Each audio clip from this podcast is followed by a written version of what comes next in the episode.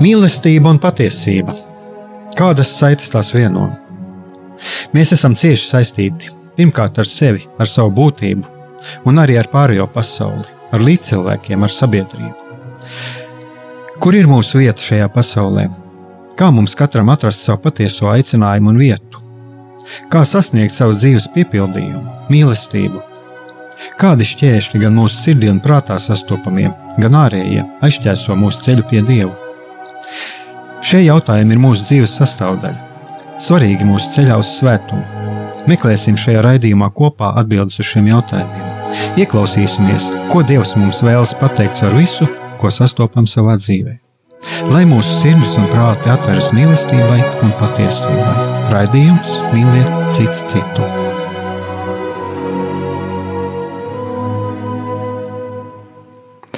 Lai top slavēts Jēzus Kristus, esiet sveicināti, darbie radio klausītāji, un tagad arī skatītāji, kas skatās šobrīd tiešraidē, un arī kas skatīsies vēlāk. Šīs atkal ir raidījums Mīliet citu citu. Studijā esam mēs. Tad Aigars Brīsmanis un Jānis Jākopsons. Sveicināti. Un šodien mēs noslēgsim šo tēmu par eh, domāšanas mākslu. Lai gan es domāju, ka patiesībā katrs raidījums kaut ko arī saistīts ar šo domāšanas mākslu. Bet šodien mēs eh, noslēgsim. Un es tikai gribēju teikt to, ka eh, šo lietu nu, nav iespējams, varbūt pat par domāšanas mākslu, nav iespējams aptvert pat gada laikā. Un, Jā, viennozīmīgi. Un, un tas ir kaut kas, kā mēs tikai tā mazliet, mazliet pieskārāmies. Eh, un eh, vēl ko es gribētu teikt, ka pašos pamatos jau Es eh, vēlētos klas, eh, klausītājiem teikt, es nezinu, kā attiecībā uz Jāni, bet katrā ziņā neuzskatīt mani par kaut kādu domāšanas guru vai kaut kādu domāšanas ekspertu. Es pat kaut kur lasīju, tagad arī šis eksperta, eh, eksperta jēdziens ir kaut kur degradēts. Nē, tas tā nebūtu nav. Es pats par, par sevi zinu, es mācos Es mācos domāt un uh, saprast pasaulē notiekošos procesus, saprast sevi. Uh, es atrodos pastāvīgā ceļā. ceļā pas, atrodos pastāvīgā ceļā. Un, uh, Un tāpat ir arī ar garīgo dzīvi. Jā, teiksim, cilvēks uh, ir, uh, ja es esmu kā garīgais līdzgaitnieks, uh, tas nozīmē arī to, ka tas nav nekāds guru. Es arī esmu viens no tiem, kas, eh, kas arī esmu pastāvīgi ceļā. Un uh, tikai pašam dievam ir zināms, kādā ceļa posmā mēs atrodamies. Bet uh, noslēgums ir arī Jānis. Es domāju, tāds labs. Uh, Ierosinājums bija arī noslēgumam mūsu šodienas tēma, mūsu projekcijas attiecībās ar Dievu, vai jūtas ir svarīgas eh, garīgās dzīves praktizēšanā. Mm -hmm.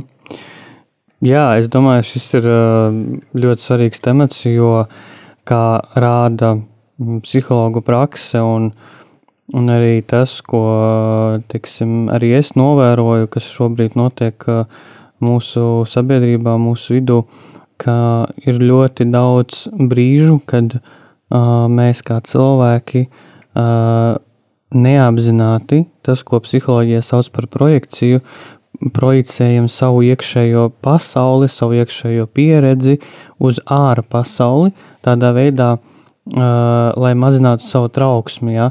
Nu, tā pati ļoti spēcīgā pretestība pret uh, realitātes pieņemšanu, ja, ka šobrīd ir uh, nopietna slimība, ja, ka viņi izraisa uh, lielas sekas, uh, bet uh, ja cilvēks ieņem tādu stingru pozīciju, ka nē, tas nav nekas nopietnas un uh, tā kā devolvē tās realitātes uh, nu, bīstamību, jā, tad, tad uh, nu, viņš parāda to, ka viņš gluži negrib pieņemt šo realitāti. Ja? Un tāpat notiek ar projekciju. Projekcija tas ir tad, kad mēs mūsu iekšējo pieredzi, kā jau teicu, uzliekam otram cilvēkam un pasakām, nē, tas nav par mani, tas ir par, par otru cilvēku. Ja? Un, ja mēs ņemam salīdzinājumu ar vakcīnām, pieņemsim, ja cilvēks saka, viņi tur, valdībā un ārsti, grib mani nobendēt, viņi grib man izdarīt slikti. Īsnībā cilvēks projicē savas uh, iekšējās kaut kādas bailes, kaut kur arī neusticību sev, jā, uh, neusticību sev kā personībai, neusticību tam, ka es varu pieņemt uh, lēmumus, par kuriem es varēšu arī atbildēt.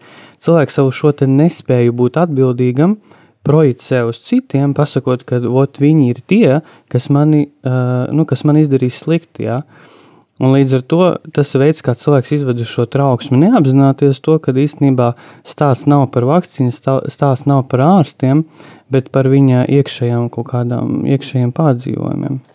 E, jā, man šķiet, es arī minēju kaut kādā jau kādos no iepriekšējiem raidījumiem, un par to lielo pārsteigumu, kā cilvēki, kas uh, ir racionāli visu laiku domājuši, un man pat ir bijis gadījumi tā, ka cilvēki, kas ir paši man teikuši paldies, ka es esmu nu, redzējuši arī mani kā vienu no tiem, kas ir aicinājis racionāli domāt, kas, kas arī uh, vēršas pret uh, konspirāciju teorijām. Tieši šajā brīdī ir tā, kā tu teici.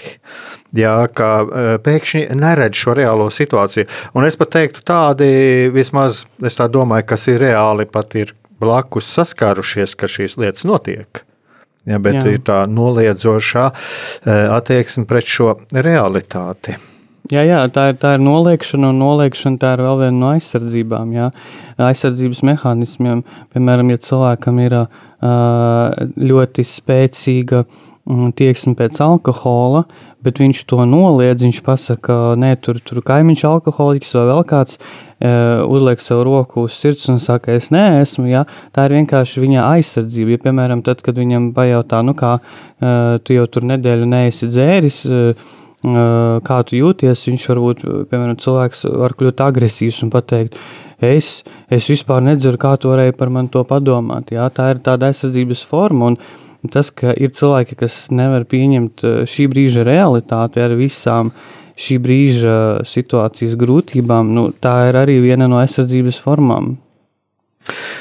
Eh, te man eh, vakar vēl, tad, kad mm, vai, vai vispār jau aizvakar, bet arī man vakar es nedaudz pārdomāju par vēl vienu tādu lietu. Mēs te runājām par par šīm pagātnes pieredzēm, uh, Tā kā iepriekšējā raidījumā mēs, piemēram, runājam par tām grūtībām uzticēties, no kurienes nāk cēloņi. Bet man ienāca prātā vēl viena doma.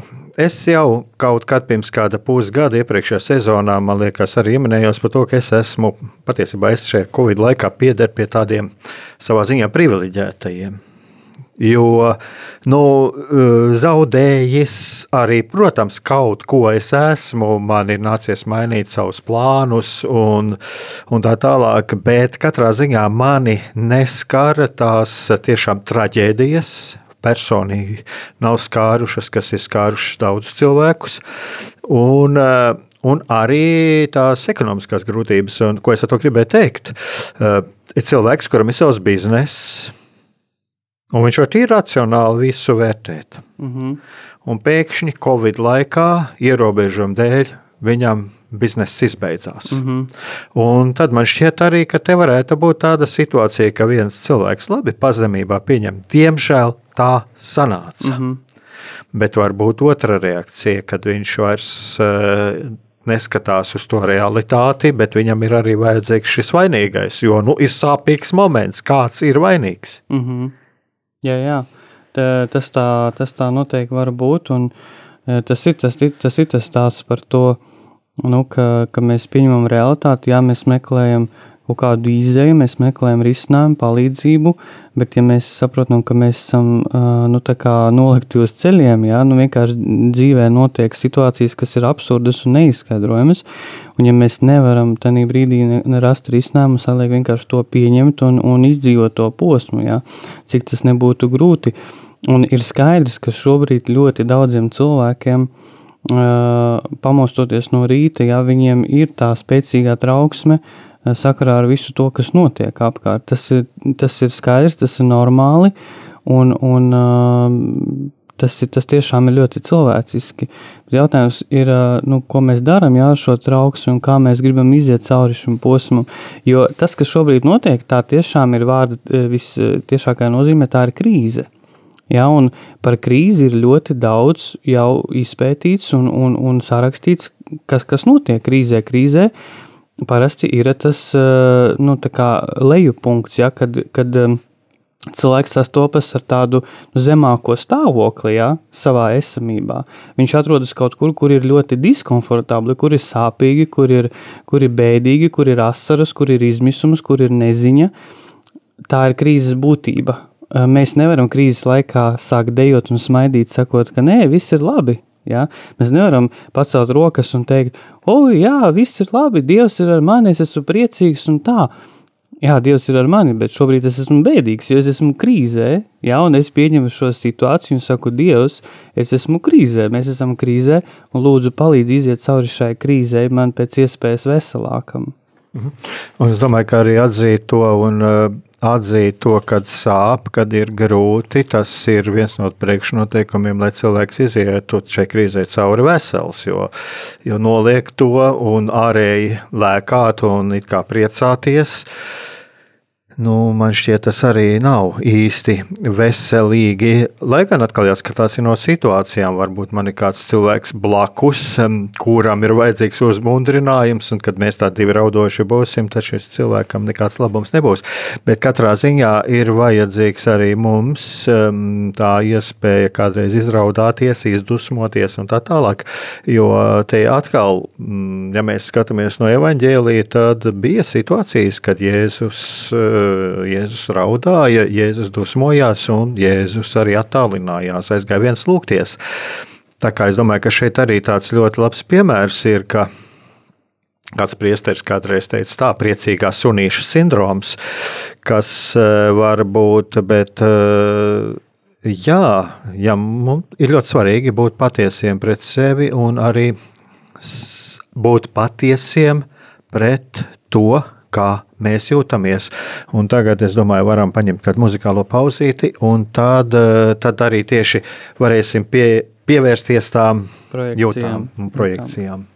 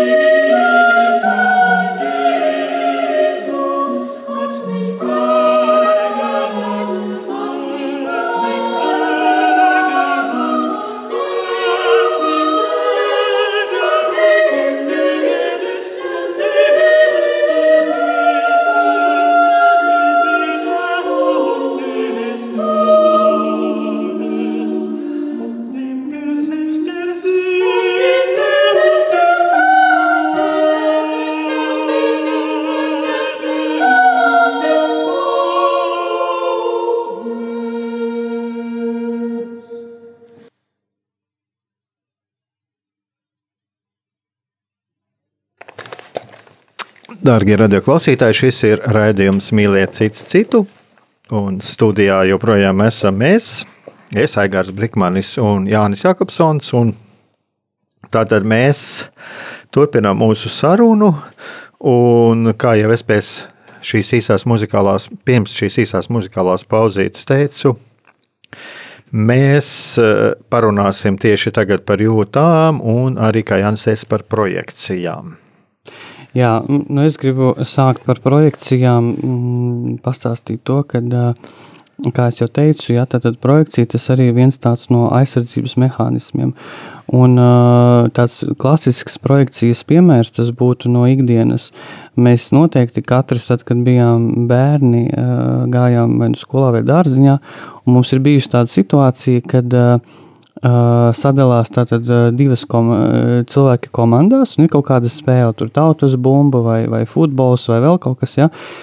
Un mēs netiekam paņemti vienā no šīm komandām, un mēs paliekam tā kā, nu, var teikt, ārpus borti, ja mēs paliekam vienīgie, kas neesam tā kā sadalīti. Un, un protams, tādā brīdī mēs esam bēdīgi, mēs kaut kur piedzīvojam tādu, zinām, trauksmi, jo mēs neesam iekļauti jā, kopienā, jo mums gribās būt kopā ar cilvēkiem. Un tajā brīdī tas, ko cilvēks dara vai bērns saka, viņš saka, viņi, viņi negrib spēlēties ar mani, viņi negrib spēlēt ar mani. Ja? Bet īstenībā tajā brīdī kā, cilvēks projicē savu kā, nespēju, viņš projicē to, ka viņam nav šo teiksim, sportisko spēju ka viņš nav fiziski attīstīts, ja, tādā ziņā, nu, ka viņam nepadodas, piemēram, sports, un viņš šo savu iekšējo realitāti projicē, pasakot, viņi ar mani negrib spēlēt. Bet īstenībā cilvēkam vienkārši, nu, viņam nav attīstīta, teiksim, tā sportiskā, fizioloģiskā puse. Un tas ir viens veids, kā cilvēks projicē savu šo tā, pieredzi Tāpat, eh, ja mēs ņemam tādu vairāk jau kristīgu, reliģisku projekcijas piemēru, tad nu, mēs varam runāt piemēram par kādu uh, sievieti, kura no ārpuses izskatās dievbijīga, un viņa iet bieži uz svēto misiju, un, un uh, viņa ir atturīga kontaktā ar apkārtējiem cilvēkiem. Uh, no ārpuses liekas, nu, viss kārtībā, tā kā nu, cilvēks izvēlas tādu uh, tādu varbūt drusku asketi, asketiskāku uh, ticības ceļu. Uh, un, un tāds cilvēks noteikti ticībā var būt, un tāds cilvēks ir un viss ir kārtībā, bet ir gadījumi, kur cilvēks ieņem šādu dievbijas kā, uh, nostāju savā dzīvē, bet īstenībā, īstenībā viņš piedzīvo daudz dažādu jūtu attiecībā pret apkārtējiem. Piemēram, uh, Viņš savā domās var nosodīt to, kad apkārt cilvēks staigā puspliki, vai sieviete staigā izaicinoši, vai kāds vīrietis uz to sievieti ir paskatījies, un viņš viņu iekāro. Jā, tad, tad viņš ir iekārotājs, bet īstenībā tajā brīdī šī sieviete projicē savu iekšējo pasauli, savu vēlmi pēc tā, ka viņa arī gribētu izskatīties pievilcīgi, ka viņa, uh, ka viņa pati iekāro jā, pretējo dzimumu, un ka viņai pašai ir šī seksuālā tieksme, viņa savu iekšējo pieredzi projicē uz citiem, pasakot, ka ot, viņi tā dara ar mani, viņi man iekāro, viņi tur ir netikļi. Jā.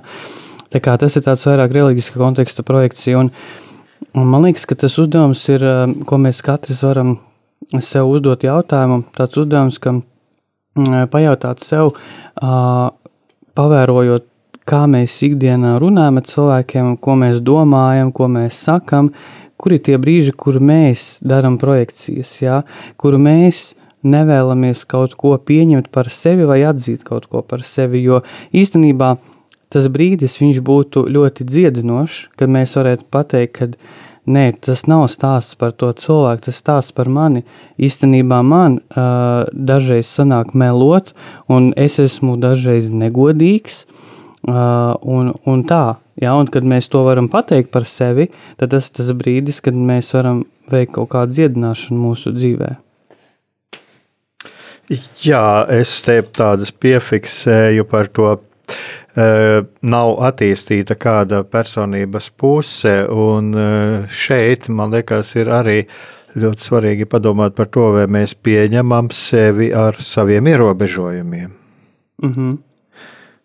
Tas ir tas piemērs par šo sportu, jo te var būt arī tas, ka cilvēks viņš ir koncentrējies uz to sportu, vai viņš ir koncentrējies uz kaut ko, uz kaut kādu citu lietu, ko viņš gribētu, bet objektīvu apstākļu dēļ. Nu, viņam nav šo spēju, nav, Jā. nav, nav tīri fiziski vai kādu citu iemeslu dēļ, un koncentrējoties uz šo, un visu laiku domājot par to, un projicējot, viņš uh, nepamanā kaut kādus savus citus talantus. Mm. Un, uh, un otrs ir tas, ko tu arī minēji par šo par šo sievieti. Man šķiet, arī te ir ļoti svarīgi runāt par šo dziedināšanas, vai kā es arī savus cilvēkus saucu to lietu, atbrīvojās cilvēks no kaut kā, kas viņam traucē pilnvērtīgi dzīvot. Tas ir nepieņemt sevi daudzas lietas, kaut vai tas pats, ko tu teici, attiecoties par to seksualitāti. Jā. Eh, arī saprast no vienas puses, eh, šeit arī varētu varbūt parunāt arī par to, ka tāda neveselīga attieksme pret seksualitāti. Jā. Jo man šķiet, ka kristīgajā vidē arī tie ekscesi, kas ir bijuši, un arī visi šie skandāli, ka tomēr viņi vairāk vai mazāk arī ir saistīti ar to, ka tik eh, ļoti, ļoti ir likts uzsvars uz šķīstību. Tā ir, tā mm -hmm. seksuālā šķīstība, cel, celta pāri visam, ignorējot eh, to būtībā šo cilvēku seksualitāti un to līdz garam neizrunājot. Un es domāju, par to arī mēs kādreiz izrunāsim. Jā. Tā ir tā viena puse puse, bet no otras puses te arī nevaram mēs eh, runāt tikai par seksualitāti. Tur cilvēks var ieraudzīt vienalga, vai viņš var ieraudzīt kaut kādu skaudību, kaut ko tādu, kas vienkārši, mm -hmm. jā, tā projekcija eh, un eh, pieņemt to pieņem to, ka kungs tas ir mans vājums, tā mm -hmm. ir tā mana vājā puse, mm, palīdzi man. Mm -hmm. Un uh, es domāju, ka šeit ir tāda ļoti būtiska lieta, jo arī tāda doma, ko es uh, mazliet ienāca man prātā, ko es arī šajā raidījumā gribēju pateikt, ka mēs esam aicināti būt svēti, bet svēti, bet ne perfekti. Mm -hmm.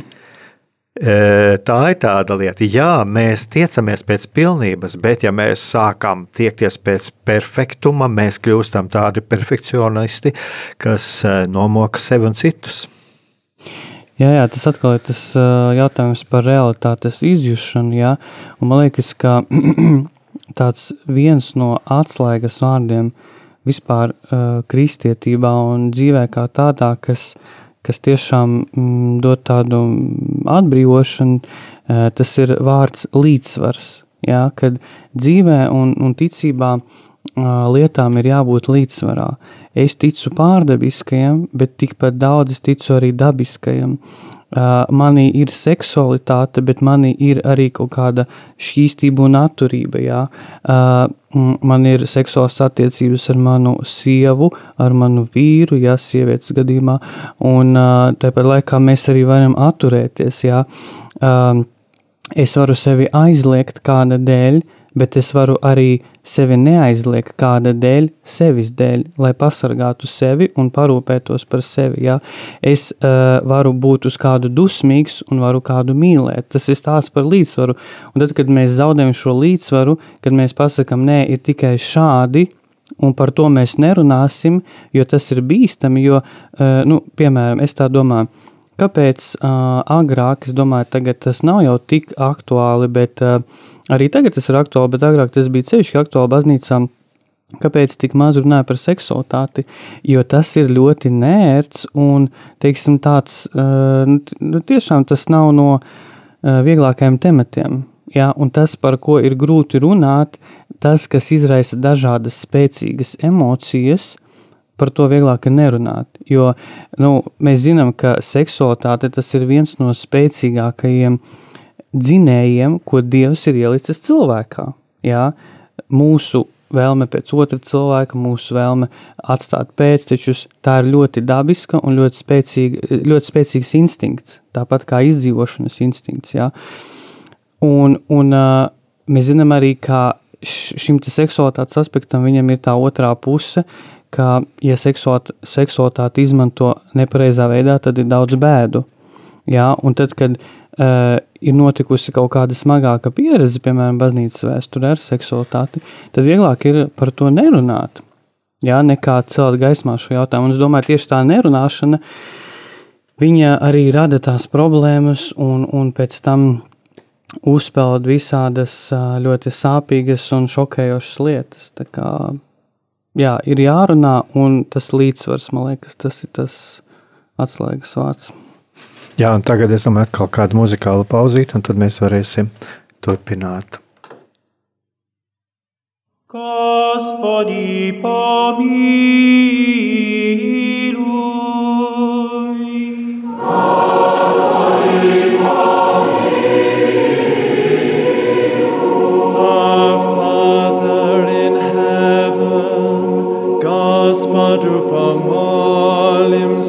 love.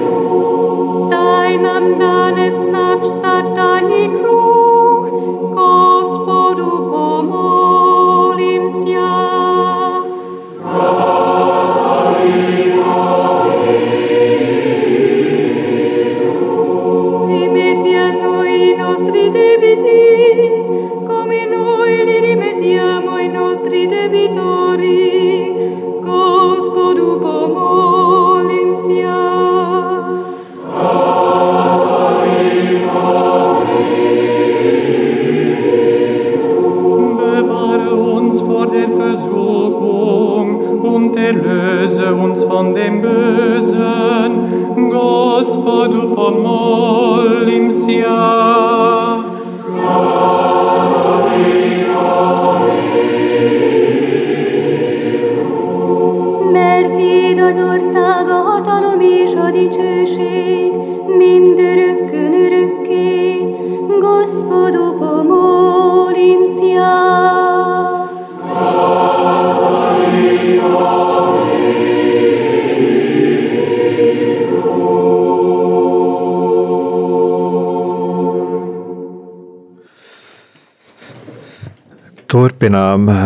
mūsu sarunu. Tātad studijā esmu Egārs Brīkmanis un Jānis Jakobsons. Un, un turpinām mūsu sarunu par jūtām un par eh, jūtu svarīgumu garīgās dzīves praktizēšanā.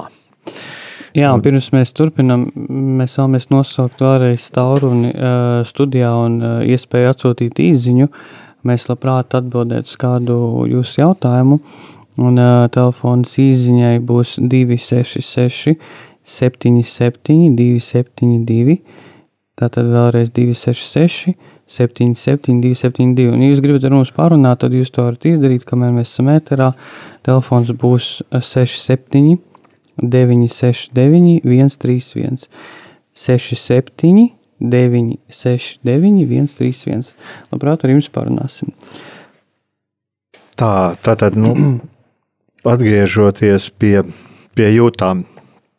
Mm, eh, es par jūtām parasti saku tā, jūtas, tas ir instruments, kurus mums Dievs ir devis kas palīdz mums, mums atpazīt pašiem sevi un arī kaut ko mūsu dzīvē būtisku. Un eh, jūtas pašas par sevi nav ne. Sliktas, ne labas, tās ir morāli neitrālas. Un mm -hmm. es mhm. pat teiktu, tā, ka tās pat ir labas. Jo bez jūtām nu, mums būtu Nu, kā mēs Grū, grūti, grūti jūtas kā vējs, tas ir kā navigators. Ja? Viņas parāda to, uh, to, to ceļu, viņas var uh, aizšaut greizi, tāpat kā vējs. Arī dažreiz braucot ar vēju, tu noteikti esi to piedzīvojis, ka tu brauc vienā virzienā un uh, aizbrauc kaut kur citur, un tad tu dusmojies uz to vēju. Ja? Tas ir tas brīdis, kad mūsu jūtas arī mūs var pievilt, bet uh, Vispār psihoterapijā un psiholoģijā jūtām ir nu, tā centrālā nozīme, jo jūtas ir tas, tas, tas indikators, tas ceļvedis uz to, kas notiek cilvēka psihē, kas notiek viņa, viņā iekšā. Un, un, jā, man liekas, ka mm, mēs runājot par jūtām, varam teiksim, paņemt tādu arī situāciju, kur un šeit būs gan jūtas, gan projekcija. Ja? Nu, iedomāsimies, kad mēs domājam, domājam, ka um, apkārtējie cilvēki bieži vien ir uh, uz mums dusmīgi. Jā, mēs ejam pa ielas, paskatāmies uz kādu cilvēku un nodomājam, viņš uz mani pastījās ar dusmīgu skatu. Jā, viņš bija dusmīgs. Un, un, ja mēs vēl turam aiz, aizdomās pasauli, jā, kad tur uh, kāds man grib kaut ko sliktu izdarīt, nu, runājot, piemēram, kontekstā par vakcīnām, ja mums ir tādas domas, ka uz mums kāds bieži dusmojās, un šis cilvēks ir dusmīgs, ja mēs turam kādu aizdomās, tad īstenībā tā būs mūsu projekcija, ka mēs paši esam dusmīgi, un mēs to pasakam par citiem. un mēs neatzīstam mūsu dusmas. Ja? Un kas notiek, kad mēs neatzīstam, ka mēs esam bieži vien dusmīgi un neapmierināti, notiek tas, kad mēs to sākam nepamanīt mūsu ikdienā, un uh, mēs tā vienkārši dzīvojam. Un mēs nespējam kā, piedzīvot citas emocijas, piemēram, prieku, tur, tur kaut kādu entuziasmu, jā, kaut kādu enerģijas pieplūdumu, kaut kādu tādu ieinteresētību par otru, jo mēs visu laiku esam kā, iegremdēti tajā dusmu stāvoklī. Ja, un, un varbūt mums ir grūti atzīt to, ka mēs bieži vien esam dusmīgi, jo mums dusmas asociējas ar kaut ko sliktu. Ja. Uh, Noteikti kādam no mūsu klausītājiem, mums ir bijis bērnībā tāds gadījums, kur kāds no vecākiem teica, mamma pasaka, nedrīkst dusmoties, jā, mm, nedusmojies, tas ir slikti, jā. Un tad mēs to tā kā uztveram, ka dusmas ir pielīdzināmas kaut kam ļoti sliktam. Un tad mēs arī turpinam mūsu garīgajā dzīvē dzīvot līdzīgi, ka mēs nedodam vietu dusmām, mēs nevaram uh, izteikt dievam mūsu dusmas, jā, Uh, Nu jā, un tās dusmas viņas mūs no iekšienes ēd, un nereti vien arī aiziet pie kādas nopietnas saslimstības. Mm. Šeit arī par to projekciju vai tēmu mēs nevarētu mazliet tā nu, salīdzināt ar tādu sabojātu veizu. Ja, jo, jo kāpēc? Tā kā tu Tad, kad es runāju par šo instrumentu, jā, šis instruments mums ir dots, bet eh, nu, viņš eh, jā, kaut kāda iemesla dēļ ir sabojāts. Tāpēc arī ir eh, ļoti būtiski to, ļoti, ļoti būtiski, jā, ir labi, ja mēs to apzināmies. Ja, jā, un tāpat tu, tu saki, sabojāts mums zinās doma prātā, ka mūsos var būt šī te, mm, tā kā ka mēs varam būt atrauti no mūsu jūtām, ja, ka mēs nezinām, ko mēs jūtam, jo mēs nekad sev neesam uzdevuši šo jautājumu. Ja, un, un, jā, un, un, un, ja cilvēkam ir grūti apzināties, ko viņš jūt, kā viņš jūtas, ja viņš nesaprot savas emocijas, tas parāda arī to, kā viņš veido attiecības ar Dievu. Ja, kad e, tur attiecības pārsvarā būs viengabalainas, tur nebūs uh, to pašu jūtu izpausmes. Uh, nav svarīgi, kā es jūtos, galvenais, ka es kalpoju Dievam. Nav svarīgi, ka es esmu bēdīgs, es to varu pieņemt kā upuri. Nav svarīgi, ka man šodien nav spēka lūgties, bet es to darīšu, tāpēc, ka nav svarīgi, kā es jūtos. Ja? Bet tā ir tāda nostāja, kas mums dara pāri, un Dievs negrib, lai mēs sev darām pāri. Kad mēs runājam par Dieva mīlestību, man liekas, ka daudziem no mums tas ir kaut kas tik ļoti abstrakts, jo ar prātu mēs it kā saprotam, Dievs mani mīl un, un Dievs man grib labu, bet realitātē ar savu attieksmi pret sevi mēs parādām arī to, ko mums liekas par mums domā Dievs. Jā? Respektīvi, ja mēs nemīlam sevi, ja mēs darām sev pāri emocionāli, ja mēs uzliekam sev upurus, kurus no mums Dievs neprasa, tad tas arī parāda to, nu, kā, mēs, kā mēs redzam vispār uh, sevi un to, kā mēs dzīvojam šajā pasaulē, kā mēs redzam Dievu. Jā. Tad mēs varam projicēt uz Dievu, ka Dievs man uzliek krustus, Dievs man uzliek kaut kādus upurus, jā, un ja mūsu dzīvē vēl kaut kas notiek slikts, tad, tad tas noteikti ir uzreiz kā apstiprinājums tam, ka, lūk, piepildījās mani vārdi, Dievs man liek kaut kādu krustu, Jā, bet tas tā nav patiesībā. Patiesībā ir vienkārši tā ir mūsu iekšējā psiholo, mūsu psiholoģiskais stāvoklis, kuru mēs piedēvējam Dievam. Mhm. Šeit man uzreiz nāk prātā tas, ko pāvests teica vienā no savām pēdējām uzrunām, un viņš, viņš teica tā, ka mums jāuzdod ir jautājums sev, kas man ir ticība, Ja ticība man ir drīzāk pienākums vai maiņas monēta, tad nesmu uz pareizā ceļa. Es šeit tagad tieši atvēru uh, Vatikāna uh, radio mājaslapu, jo tā kā tu to teici, man tas tā ienāca prātā. Un es domāju, ka šeit ir arī tāda lieta, kad uh, mēs saskaramies reiz par reizēm, teiksim, cilvēks uh, jautā, cik daudz man jālūdzās, vai es gadījumā nelūdzos pārāk maz. Un tāpēc man dzīvē neveicās. Mm -hmm. un, vai vēl kaut kādas mm, reliģiskā rakstura kalpošanas, un, un cilvēks eh, cenšas, cenšas um, izkalpoties Dieva priekšā, bet šajā gadījumā es um, kādreiz tā arī saku, ja iedomāsimies sev kādu mīļu cilvēku, un tiešām, ja mēs esam tiešām veselīgi, mīlam otru. Mm -hmm. Es šeit nerunāju par kaut kādām tādām manipulatīvām attiecībām, bet tiešām tāda īsta, patiesa, veselīga mīlestība. E, tad mēs varam iedomāties, vai tiešām mēs gribētu, lai cilvēks e, mūsu dēļ, mūsu dēļ e, ir, būtu bez miega, būtu nodzītu sevi līdz pēdējām un mm -hmm. aizmirstu pats savu dzīvi Jā. aizmirstu pats savas vajadzības, vai tiešām mēs to gribētu, kad šis mm. mums mīļais cilvēks to, uh, ka mums šis mīļais cilvēks tā darītu, kad viņš vispār sevi noliektu. Uh, jā, bet ja mēs to gribam, nu, tad mums jāapskatās, vai mums pašiem viss ir kārtībā. Mm -hmm, tieši tā, jā. jā. Tā tas ir jautājums, kas, kas, kas tas ir par Dievu, kuram es ticu, jā. Kas ir tas Dieva attēls, kuram es ticu, jā, jo nu, ja tiešām, tā kā tu saki, ja manā izpratnē Dievs ir tas, kas grib, lai es sevi nodzenu, jā, nevis lai es dzīvoju šo dzīvi līdzsvarā, mierā ar sevi, mierā ar cilvēkiem, mierā ar Dievu, lai es nesu kaut kādu pienesumu sabiedrībai, lai es varu lepoties arī ar to, ko es daru, jā, savā ikdienā, lai man ir labs pašvērtējums un tā tālāk. Nu, jā, tad tas Dievā tēls manī, viņš ir izkropļots un uh, mēs varam lūgt Dievam, lai tas mainās. Jā, tagad atkal kādu muzikālu pauzīt, un tad mēs varēsim atkal turpināt. Gaudens, gaudens,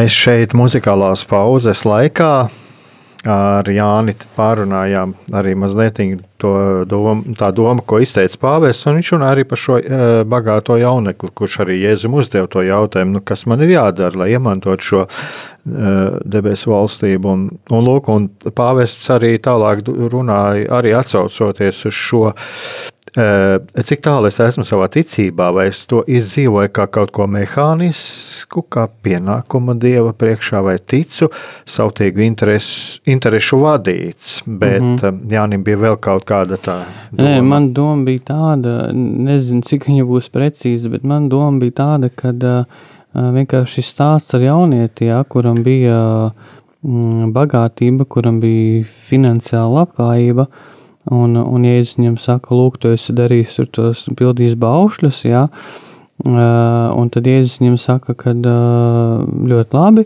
un tagad atsakies no tās, nu, tā, atsakies no visa un seko man, jā. Un tas tas brīdis, kurā tas jaunietis saskuma, un viņš to nevarēja tā kā īstenot. Un, manuprāt, tas kaut kur parāda to, ka tās reliģiskās darbības, to, tā baušļu pildīšana, ko viņš ir darījis, uh, ka viņa iespējams nebija līdz galam tāda, nu, tā patiesa un tāda tiešām, mm, nu, ka tā būtu viņa vēlme, jo, ja viņš uh, praktizētu to dzīvi bauslībā, tiešām mm, tā autentiski, kā mēs sakam, jā, pa īstam, tad uh, viņam nebūtu grūtības atteikties no tās bagātības. Bet tā viņa nespēja atteikties uh, no tās bagātības parāda to, ka nu, viņa tā garīgā dzīve viņa bija ļoti sekla. Jā, ka viņas sirds nebija spējīga uz tādu upuri. Un, un tas varētu liecināt uz to, ka uh, visas tās reliģiskās darbības, ko viņš darīja, viņas bija nu, tikai formas pēc. Un, uh, un man liekas, tas ir jautājums, ko mēs katrs varam arī uzdot, kā pajautāt, vai tas, ko es daru attiecībā pret Dievu manā garīgajā dzīvē, vai tas tiešām ir tas, ko es daru no sirds, ko es vēlos darīt, vai tas nav kaut kas, ko es daru ar tādu kā nu, pienākuma izjūtu, ja, ka man to ir jādara tāpēc, ka, ja, un ja man ir tādas domas, ka es to daru tāpēc, ka, tad es varu pajautāt, Uh, un kāpēc es to daru? Ja? Un tur var rasties ļoti laba atbilde, kuru mēs sevī varam atrast. Ja? Ka, piemēram, es uh, lūdzos rožu kroni tāpēc, ka es baidos nesaņemt no dievmātes žēlastību. Un ko tas uzreiz pasaka? Jā? Tā tad eh, es baidos, ka es nesaņemšu svētību, ja es nedarīšu rožu kroni, nelūkšos. Jā? Un tas var uzreiz paplašināt to, kādas ir manas attiecības ar jauno Mariju. Jā, vai, vai jauno Marija ir tā māte manā dzīvē, kura kaut ko man iedos tikai tad, kad es kaut ko izdarīšu. Nu, piemēram, es, kā tētis, jā, divu bērnu tētis, es savam vecākajam dēlam dodu labas lietas, tad, kad viņš man prasa, un tad, kad viņš man neprasa.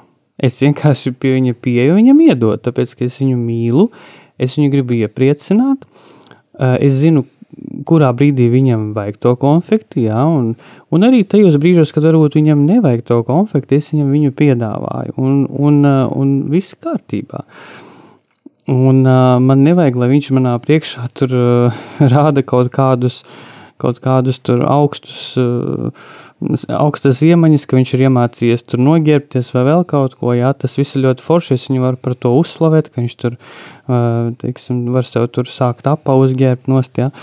Bet es viņu vienkārši mīlu, viņam dod, tāpēc, ka viņš man ir vienkārši mīļš, jā, viņš ir, uh, Viņš ir mans dēls, un es domāju, tā, tā attieksme ir tāda pati Dievam un, un jaunajai Marijai, ka viņi mūs mīl un dod vienkārši tāpēc, ka mēs esam un tāpēc, ka viņi mūs mīl. Un, protams, tā ārējā forma, ka mēs lūdzamies, ar to mēs parādām, ka nu, viņi mums ir svarīgi, ka Dievs mums ir svarīgs. Jā, tā ir arī mūsu tāda atbilde uz Dieva mīlestību, bet tas noteikti nav kaut kas, kas nosaka gal, galējo to mm, Dieva skatījumu uz mums. Dievs mūs mīl neatkarīgi no tā, vai mēs lūdzamies vai nelūdzamies. Mhm.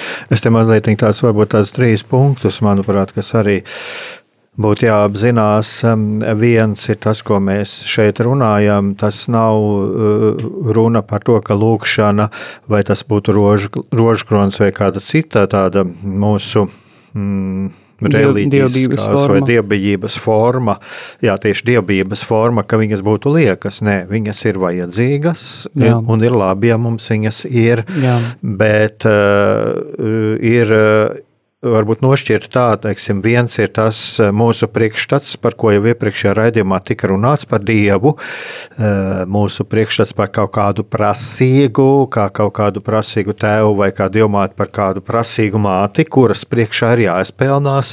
Tā varētu būt viena puse, bet eh, varētu būt vēl viena puse, kāda pārlieku, kad mēs stādām uh, rituālu lietu, stādām augstāk par pašu dievu. Mm -hmm. uh, un, teiksim, es varētu teikt tā arī, un uh, bieži vien baznīcā, un to, tas nav tikai manis teiktais, bet to es esmu arī no garīdzniekiem dzirdējis, ka baznīcā ir viena no vietām, kur tiek izpildīts visvairāk šo pagānisko rituālu, jo cilvēks nevis tāpēc, ka viņš varbūt pat baidītos no dieva, bet viņam ir šī ticība, es izdarīšu to un to. Nu, jā būs tas un tas, un es būšu pasargāts. Tā kā tās nianses jā, var būt arī jā. tādas, un cilvēks pat var būt no samērā veselīgas ģimenes ienācis baznīcā, bet viņam var būt tāds priekšstats, mhm, tāpēc, ka, nu, mm -hmm. Tā. Jā, jā, tā ir tā, tā ir tā ticība, ko praktizēja ies laikā pagānu ļaudis, ja, ka viņiem vajadzēja uh, izdarīt konkrētus skaitus, kaut kādus, jā, lai, lai kaut ko dabūtu. Tā ir tāpat ticība kaut kādiem skaitļu maģiskiem iznākumiem, jā, tas tie, tie paši horoskopi, tas viss velkās uz to. Ja es izdarīšu kaut ko, tad būs tas, jā. Bet man liekas, ka tā mūsu ticība kristīgā, tas ir tas tās par mīlestību, kur satiekas divas personas un kur primārajā fonā ir tiešām mūsu atbilde Dievam, uh, mīlestībā, ja, kad, kad, tā, kad tas ir mīlestības satikšanās. Un tā nav viegla satikšanās, jo mēs neredzam Dievu. Mēs viņu neredzam, mēs varam viņu sajust mūsu dzīvē, mūsu dvēselē, bet mēs viņu neredzam. Un, un, un tas, tas padara to satikšanos grūtāku, bet viņi ir iespējama un primāri tā ir mīlestības satikšanās. Man uzreiz nāk prātā, ko viena māsa Kristu, mūsu paša katoļa, mūsu lūkšanas grupiņas ļoti skaisti pateica. Cilvēks, nogru, cilvēks var nogurt, meklējot Jēzus skatienu, bet viņš ir šeit pat. Mm -hmm. Un es, tad, kad viņi to pateica, es teicu, ah, šo, šo, šo lietu es kaut kur šo viņas teikto varētu izmantot. Un man šķiet, ka šeit ir, šī, šeit ir šis brīdis, jo šis mīlošais dieva skatiens, eh, viņš ir šeit pat mums, tikai viņš ir jāpamana. Jā, jā tas skan ļoti skaisti, un man tas atgādina svētā Ignācija garīgumu, jā, kur, kur Ignācijas no Loyolas māca mūs vērst uz to, uh, ka Dievs ir šeit un tagad šajā telpā. Jā, mēs šobrīd ar Aigaru šeit runājam, mēs te runājam, un Dievs ir šeit. Viņš uz mums skatās, kā viņš uz mums skatās, jā, ko Dievs mums grib pateikt ar to, ka mēs šobrīd šeit esam ēterā. Jā. Tā kā, kā Dieva sirds pukst par mani un par Aigaru un par katru no mūsu klausītājiem. Jā, tas ir tas, ko mēs varam arī iedomāties, ka Dievs šobrīd ir katra uh, no mūsu klausītāju istabām, radio, mašīnā. Viņš tur ir. Viņš lūkojas ar mīlestību, un ko Dievs man šobrīd saka, jā, ar to, kur es esmu. Un, un, un tādā, tādā veidā, tā kā jā, primāri tā mīlestība, kas, protams, neatņem to, ka mēs varam veikt dažādas dievbijības formas. Ja mēs to darām uh, no sirds un ar vēlmi, ka mēs izrādām dievu mīlestību, tas ir ļoti skaisti. Un roža kronis man pašam ir uh, viena no mīļākajām lūkšanām. Es redzu, ka mūsu raidījuma laiks ir noslēdzies. Un Es domāju, ka arī jūtas būs vēl tēma, par ko mēs reiz par reizē pieskarsimies, jo bija arī man kaut kas mazliet sakāms, bet, bet eh, es tikai gribu noslēgumā teikt, jā, to, ko es jau teicu, jā, varbūt mums kādreiz tas veids ir sabojājies, tas ir labi, ja mēs to apzināmies, bet patiesībā šīs jūtas mums ir iedotas. Arī šim bagātajam jauneklim šīs jūtas, ko viņš izdzīvo, viņas bija iedotas no Dieva kā, kā palīgs, kā instruments, ar kuru atpazīt ar kuru ieklausīties sevi un arī arī uzdot jautājumu, un, un ko, Dievs, ko Dievs caur šo saka man. Un uh, noslēgumā, kā jau ir šī tradīcija, uh, es. Jaunā tradīcija. Jaunā tradīcija, jaunā tradīcija šīs sezonas, vismaz mums ar Jāni tāda ir, noslēgt ar lūkšanu, un es, ko es vēlētos lūgt no Dieva, mīļais debes Tēvs, Atver mūsu sirdis, palīdzi mums atvērt mūsu sirdis, lai mēs sajustu tava gara klātbūtni un stiprini mūsos drosmi, dod mums drosmi, stiprini mūsos drosmi dzīvot mūsu dzīvi pašiem, savu dzīvi, lai mēs būtu par svētību sev un pārējai pasaulē, katram, kurš nāk mūsu ceļā. To mēs lūdzam caur Jēzu Kristu, mūsu kungu. Āmen! Amen.